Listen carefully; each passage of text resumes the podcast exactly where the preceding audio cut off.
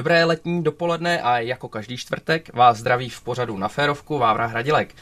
Dnes si se mnou přišla popovídat sympatická dáma, která se jen tak někde nestratí. Je to totiž stříbrná medailistka z nedávných světových her v orientačním běhu a mnohonásobná juniorská medailistka z mistrovství světa, Tereza Jánošíková. Ahoj Terezo. Ahoj, krásné tak, dobré ráno. Tak vítej u nás, ty jsi původem z Olomouce, žiješ teďka ve Finsku. Uh, trefila jsi na Vinohradě v pohodě? Jo, trefila jsem. Já jsem přespávala na Žižkově, takže to nebylo tak. Vzala jsem to s kratkou. Nejlepší volba přes Richt, Richtero, Richterovi sady, ani nevím teď. Rigrovi. Rigrovi, to bude ono. Teď, tak bych se ztratila podle jména, ale my naštěstí ty názvy nepotřebujeme. Hele, a takhle, když jsi někde jako uh, třeba na náštěvě v cizím městě, teď neříkám, že Praha je cizí město, ale kdekoliv jinde, tak uh, a jdeš někam, tak jako podle mapy, no. zkratky? Nebo jo, je, zkratky, je to, no podle Je to v tobě pořád, takhle i mimo závod? Asi, asi tak nějak intuitivně to člověk úplně neřeší. nej, nej, vždycky jsem se nejvíc ztrácela asi v nákupních centrech. Jasně. Ale jinak eh, podle mapy a naštěstí my máme, máme skvělé aplikace mapy.cz neustále zjišťují, že vlastně i mezi mými jako kolegy z orientačního běhu oni tak dobrou aplikaci vlastně nemají, takže to Myslíš tak světa? Dělám propagaci, no i teďka třeba právě ve Finsku tam je spoustu jako skvělých míst jako uprostřed přírody, které oni nějak jako zmapované nemají a my to ty, ty mapy CZ to tu aplikací mají pokryté dobře, takže, takže tak. Já myslím, že o mapách, konkrétně třeba o mapách v tom závodu se určitě budeme bavit. Eh, když se ještě teď vrátíme, v úvodu jsem zmínil světové hry eh, Birminghamu. Eh, ty jsi brala stříbro, tak jaká je to pro tebe vzpomínka, protože to je vlastně taková olympiáda neolympijských sportů a bylo to, bylo to pro tebe velký úspěch? Jo, byl to, byl to neskutečný úspěch. Musím říct, že to byl takový v podstatě i splněný sen. A musím teda přiznat, že pro nás jako orientační běžce přece jenom mistrovství světa má jako větší hodnotu, vzhledem kvůli tomu, jako, že je to vlastně takový jako ten největší orientácký svátek. Nicméně vlastně i světové hry jsou velmi populární a pro Českou republiku a pro nás svaz samotný jako velmi důležité, takže letošní rok, kdy vlastně světové hry se opět konaly vlastně s pauzou po pěti letech, tak jsme to měli nastaveno eh, na žebříčku důležitosti v podstatě na stejné úrovni jako mistrovství světa.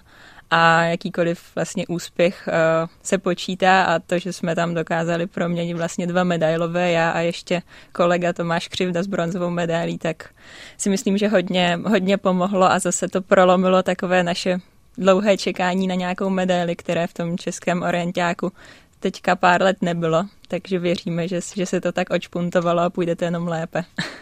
A jaké jsou tvoje vzpomínky konkrétně na ten závod? Protože já jsem si tam, já jsem si přečetl, že tam před závodem byl někde nějaký had na trati. Je to tak? Nebo...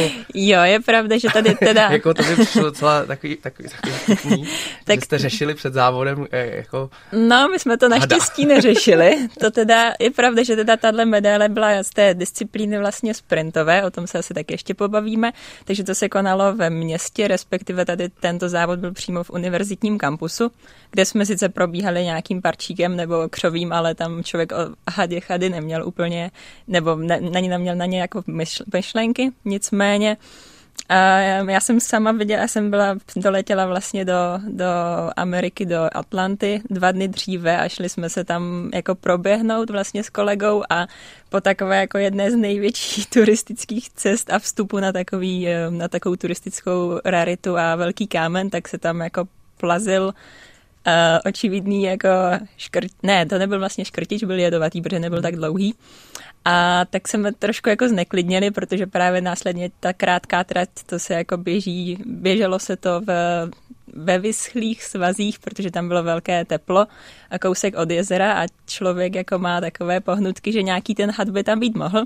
Nicméně my jsme tam měli vlastně na modelový trénink den před tím, dva dny před tím závodem v lese a za celou dobu vlastně nikdo z těch přes 100 atletů jako o žádném hadovi nějak neměl ponětí. No a náš fyzioterapeut uh, vlastně se k nám přidal a jel s námi na ten modelový trénink a šel se tam vlastně projít jenom kolem toho jezera. On je teda vášnivý nadšenec do hadu a vlastně tíše nám záviděl to, že jsme mu jako sdělili, že jsme ty dva dny zpátky viděli v té Atlantě jako hada, ale jsme říkali, no tak to je 250 km daleko, tady třeba nebudou. No a byl se projít a vracel se, ještě jsme tak na něj trošku čekali, měli obavy a pak jsme se optali, jestli teda viděl toho hada. On samozřejmě ale přijít všichni ze strany, protože my jsme hada neviděli, tak jsme říkali, dobré, tak tam nejsou. A on jako ne, no bohužel jako nic, nic. No, no a dokázal to před náma mlžit a vlastně až po tom odběhlém závodě, kdy jsme se setkali v té aréně, tak uh, ukázal ty videa a říkal, že vlastně za tu půl hodinku jeho procházky potkal sedm hadů. je teda pravda, že tím, jak bylo sucho, tak oni se všichni tak nějak splazili k té vodě dolů, takže vlastně pro nás v těch svazích už jako žádní nezbyli. Ale no, myslím si, že je super, že vlastně nikdo ze závodníků se to před závodem nedozvěděl.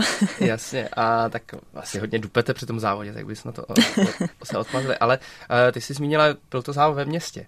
Je, je to jakýsi trend poslední doby pořádat uh, orientační běhy více ve městě? Ono se to rozvinulo vlastně za posledních 20 let. Tady ta disciplína těch městských sprintů uh, nabrala neskutečné obrátky.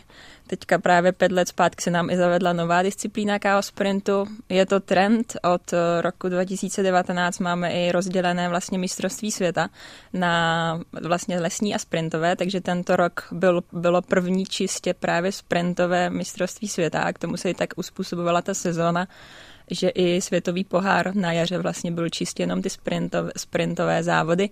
Každopádně ona je to úplně odlišná disciplína. Běhá se vlastně po tvrdém po asfaltu, vítězný čas zhruba 15 minut, kdežto v tom lese to jsou, to jsou vlastně náročné terény k závodnímu času až hodina a půl.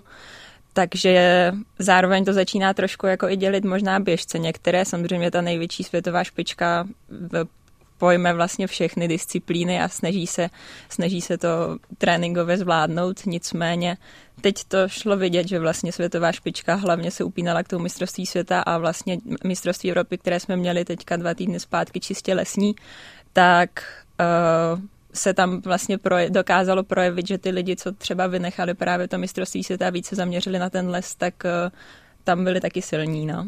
Takže Jak je to, je to v tvém případě? Co, co ty uh, preferuješ, nebo, nebo jaká ty, Já ty jsem jsi... univerzál. Já teda vždycky říkám, že kdybych se měla vybrat, kde chci běhat do konce života, tak to vždycky bude ten les, protože to je ta příroda, to je to gro, ta krása toho orientačního běhu.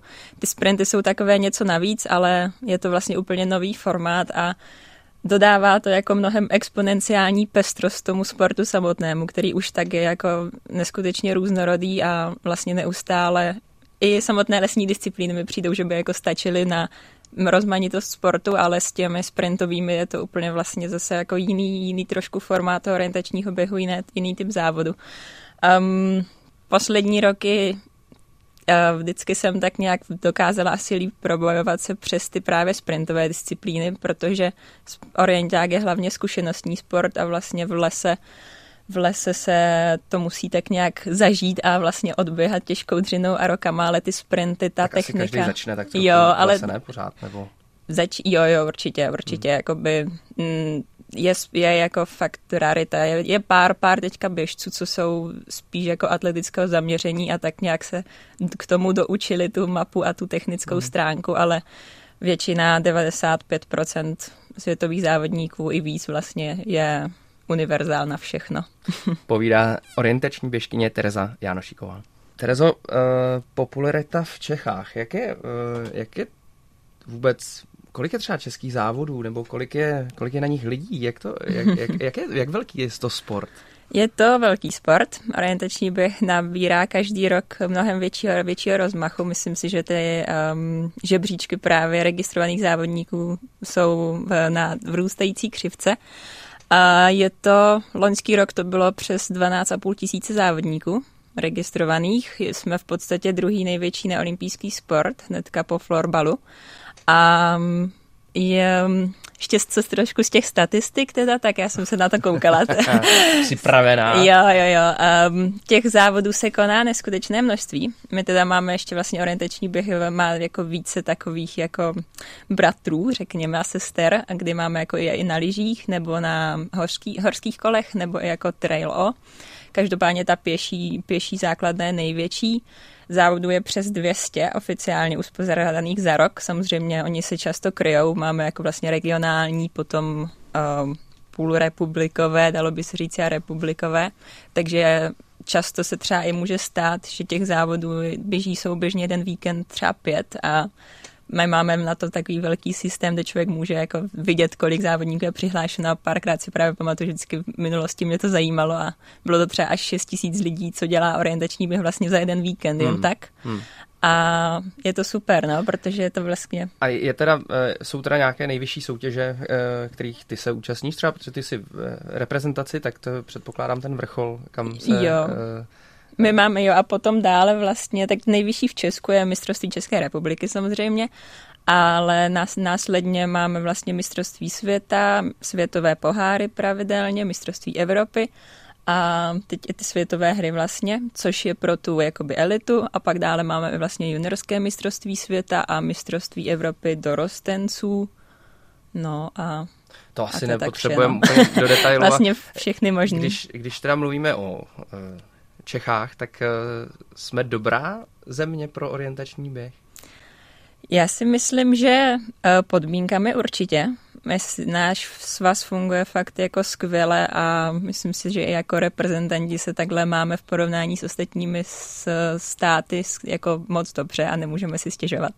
Samozřejmě nejsme největší země v orientačním běhu, ale největší země jsou vlastně, jsou to, jsou to skandinávské státy plus Švýcarsko. Co se týče do popularity? Je to, pop, jo, jo, vlastně orientační běh hmm. vznikl ve Švédsku a rozšířil se přes celou Skandinávii nejvíce a tam je to takový fakt jako, já teď jak žiju ve Finsku, tak pro ně jako je to do určité míry jako národní sport, tam každý si tím vlastně v rámci školy projde, každý to ví, takže si tam jako člověk i připadá, že jako dělá něco trošku mm-hmm. důležitějšího, nicméně i tak jsme jako Česko i silná země, co se týče právě výsledků, pohybujeme se vlastně v té top 6, jsme co se týče Evrop, no, Evropy a světa. Já jsem uh, spíš tak trošku jako myslel i v tom, uh, jaký máme terén, nebo jaký jsou, uh, protože my jsme docela mm-hmm. členitá země takhle. Je to Hodně různorodé. lesů, kopečků, takových, je tam ta různorodost velká, co s porovnání třeba s těma skandinávskými zeměma. To si myslím, že tak... může být také velké plus právě, no, že třeba jako terény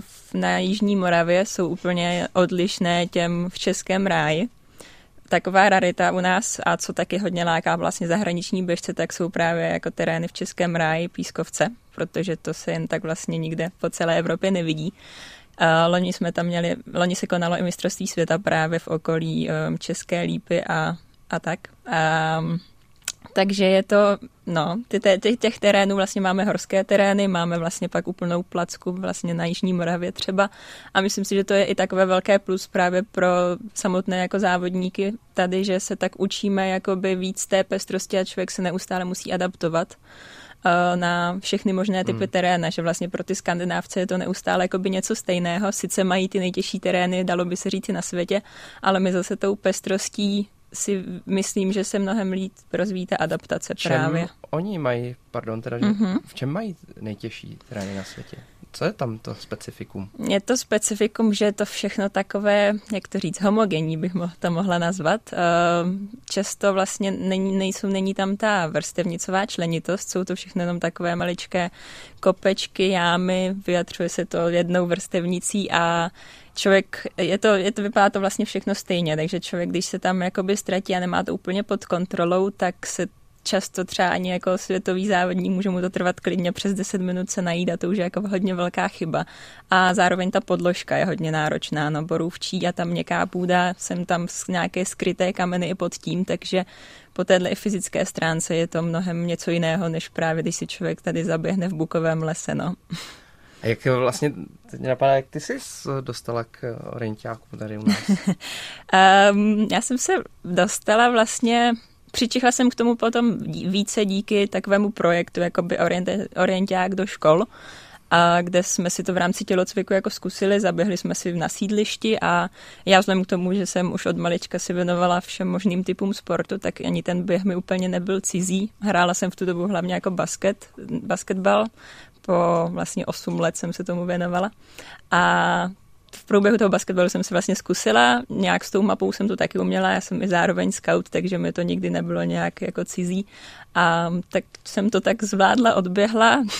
Prý jsem mi nějak docela o dost porazila nejlepšího kluka vlastně ze třídy a byla jsem oslovena organizátory, co se mě byly jako nadšení, že, že jestli bych nechtěla začít, tak jsem je tak jako s úsměvem odmítla, protože ten basketbal tam stále byl.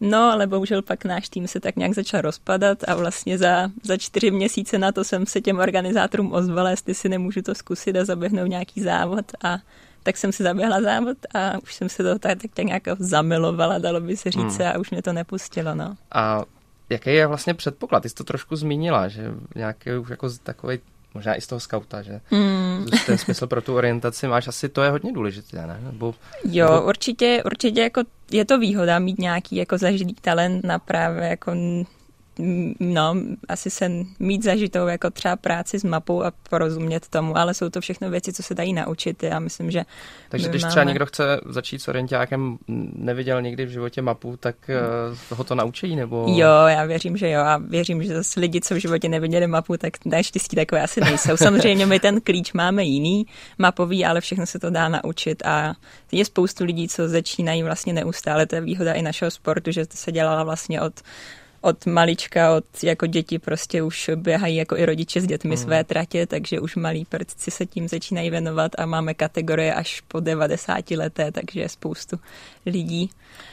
E, ty jsi zmínila, že se to zamilovala, tak co je, co je tím, když řekneš, že se to zamilovala, proč? Co je na tomto jako z tvého pohledu Mně se, mně se líbí vlastně ten sport samotný, ta, ta, to prostředí, je krásné. My vlastně neustále měníme, měníme naše sportoviště. Tolik míst. Je to tak. Měníme sportoviště, které jsou vlastně neskutečně přírodní, není potřeba pro náš sport nic budovat, ne, nezanecháváme tedy ani žádnou stopu takto. Člověk vlastně neustále se pohybuje na čerstvém vzduchu. Komunita těch lidí je tam taky skvělá. A pod, skloubí se to zároveň ten sport a samotný ten sport, který pojí složku jak psychickou, tak fyzickou, tak i tu technickou. Je to vlastně všechno neskutečně propojené a ta pestrost a rozmanitost je na tom to nejvíc. No. Terezo, hrozně mě zajímá, věřím, že i naše posluchače, jak probíhá závod. Teď takový model. Jsi na mistrovství světa, jak dlouho před závodem přijedeš, nebo jak dlouho se dozvíš, kde poběžíte, eh, jak to všechno funguje? Popiš nám to.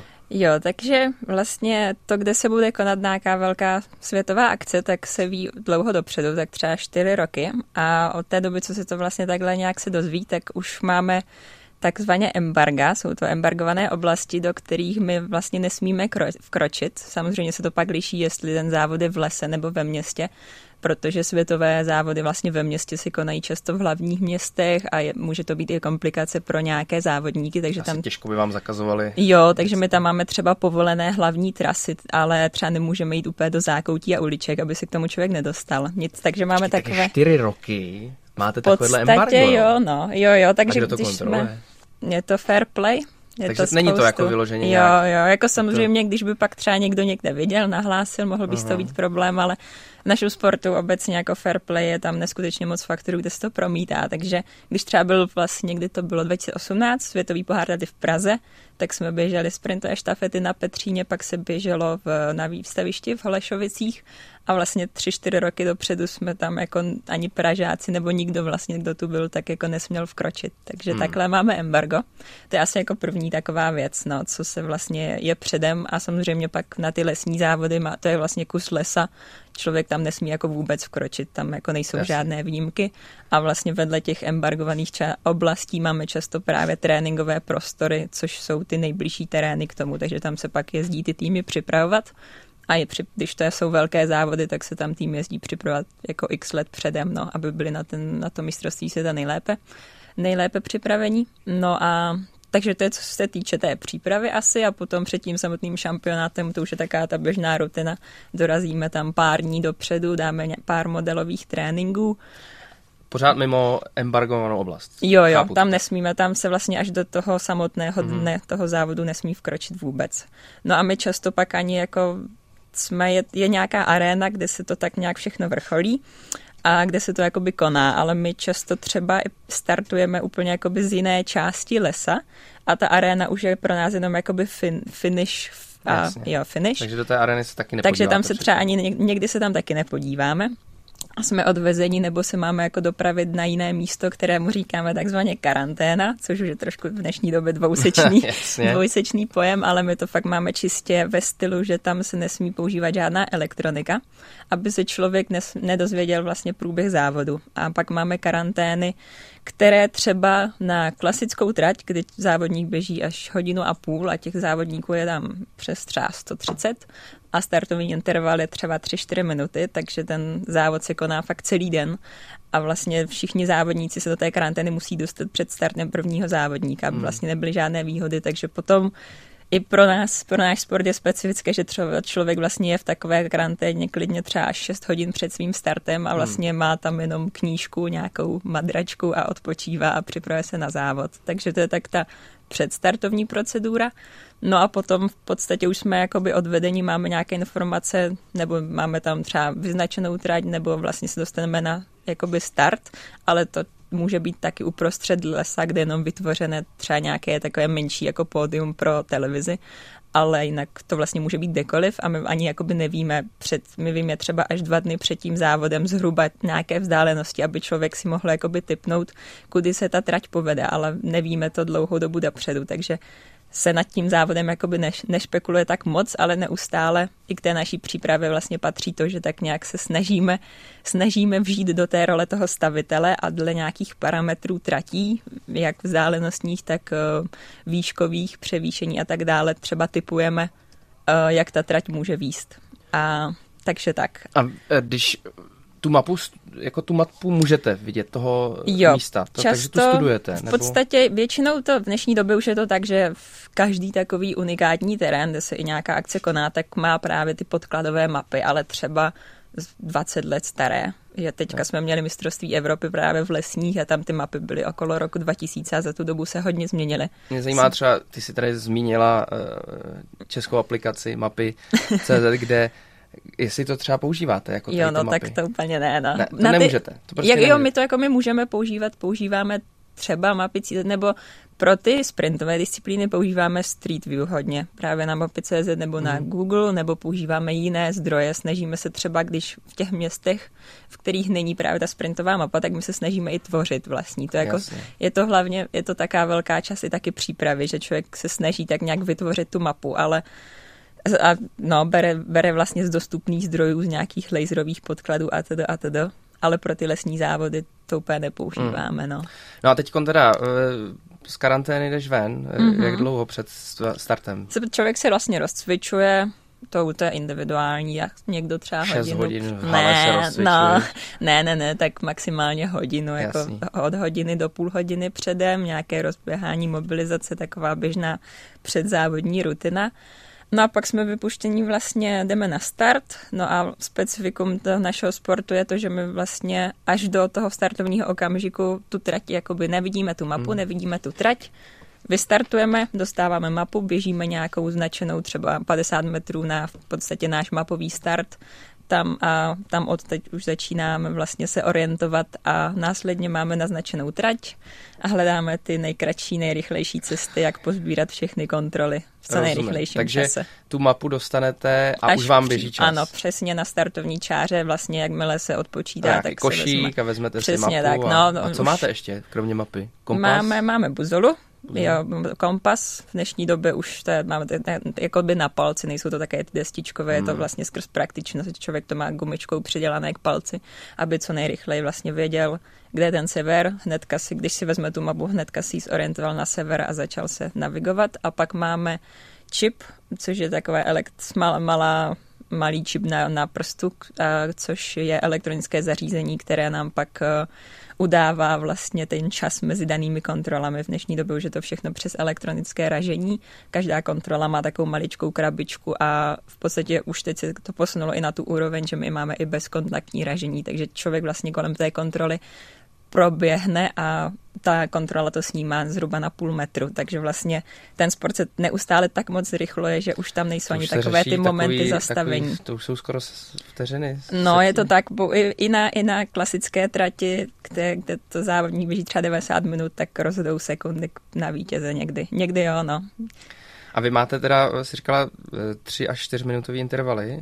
To je docela mm-hmm. dost, ne? Nebo... Je to, liší se to od disciplíny. A vlastně na tu nejdelší trať to bývají většinou tři, tři minutový teďka, jsem tomu, že těch závodníků, že hodně a natahuje se to, tak čtyř by byly, byly hodně. A každopádně třeba na krátkou trať to jsou dvouminutové a je to rozdíl samozřejmě. My pak máme i různé uh, startovní jakoby kritéria, pravidla, podle čeho vlastně bude, bude postavena startovní listina. A často to třeba bývá, že máme kvalifikace, kde si člověk tu pozici může vyběhnout, tak samozřejmě potom jde to, jakoby ty nejlepší startují vzadu. Je dost možné, že třeba ty lidi se běhnou, můžou tak nějak se využít a jako trošku spolupracovat a pomoci třeba i k lepším výsledkům. No. Povídá Tereza Janošíková. Teď jsme vyběhli teda už eh, z toho startu. Um, Kolik je vlastně těch eh, kontrolních bodů? Nebo jedná se jenom o to doběhnout do cíle nejrychleji? Je tak, to tak, přesně a, tak. Kon... Kolik těch bodů je? Nebo na jakém jo. základě se ta trasa vůbec um, takhle vytyčí postaví? Těch bodů nejsou proto jasné jakoby přesně dané kritéria, kolik jich musí být, je to na tom staviteli té trati, jak se mu to v podstatě hodí do jeho voleb postupu. Každá ta disciplína má v podstatě nějaký specifický typ, jak by se měla jako stavět, že třeba pro tu klasickou trať, ta se vyznačuje tím, že třeba těch kontrol plácnu. Každá vzdálenost je jiná. My to mhm. máme všechno na ty směrné časy, protože je rozdíl, jestli člověk třeba běží právě ve Skandinávii, na, kde to je všechno jakoby rovné, nebo právě třeba v horských terénech. Mm-hmm ve Švýcarsku v Alpách. Takže to máme stavěné na ty směrné časy a většinou třeba těch stanovišť, řekněme, je 20 pro tu klasickou trať, třeba pro tu krátkou jich je 25, ale to jsou takové kdo, odhady. Kdo jsou stavitelé? Nebo... Stavitelé jsou ti, co vlastně uh, od mapařů, kteří zmapují ten terén a vytvoří ty nejlepší jako mapu, jaká je možná, tak oni jim pak tu mapu předají a oni už třeba klidně tři roky dopředu před tím, před tou akcí jako staví a Takže dělají si, si koncepci. A... No, často ani ten stavitel třeba úplně do toho lesa nejde, ale spíš dělá tu koncepci jako Aha. od počítače a propočítává, proměřuje a snaží se třeba vytvořit právě ty volby postupů. Kolik což takových je. lidí je, nebo kdo, to, kdo je certifikovaný, nebo kdo to může dělat? Je určitě potřeba mít k tomu proškolení, být licence.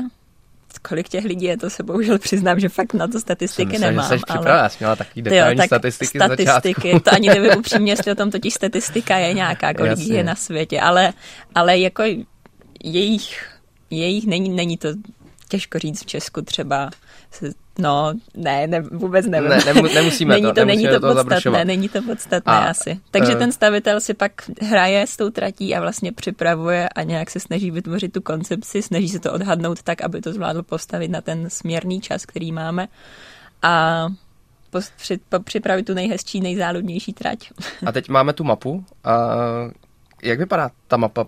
Je to dokázal bych se já podle ní orientovat, eh, nebo kdokoliv jiný? Jo, kdo... já věřím, že když bys tam jsou... řekli jako pět, pár minut před tím tvým startem, eh, jak co je znázorňuje, co znázorňuje co, tak tam jsou jako vrstevnice, si jsou znázorněné hnědé barvou a pak my máme takovou specifiku, že jako čistý bílý les je právě tou bílou barvou. Vychází to i z historie, že vlastně se to jako ty mapy kreště kreslily nebo pak se tiskly tak, aby se nespotřebovala barva tak protože to vlastně bílá jakoby nejčastější a hmm. pokrývá největší, největší procento, ale v dnešní době už ne, teďka jsme běželi v Estonsku a tam to všechno byly jako hustější lesy, které už my znázorňujeme třeba světle zelenou a tak. Ale je to všude stejné, měli by jo, je, je to Nebo dostaneš třeba mapu a, a musíš si nastudovat ještě legendu. Ne, ne, ne, ne, ne, ta legenda je stejná, ten klíč je stejný a takhle se vlastně mapuje stále máme jako jeden klíč pro ty lesní závody, jeden klíč trochu odlišný pro ty sprintové, ale ty závodníci vějí a vlastně nejsou tam jako překvapení nějakým speciálním symbolem.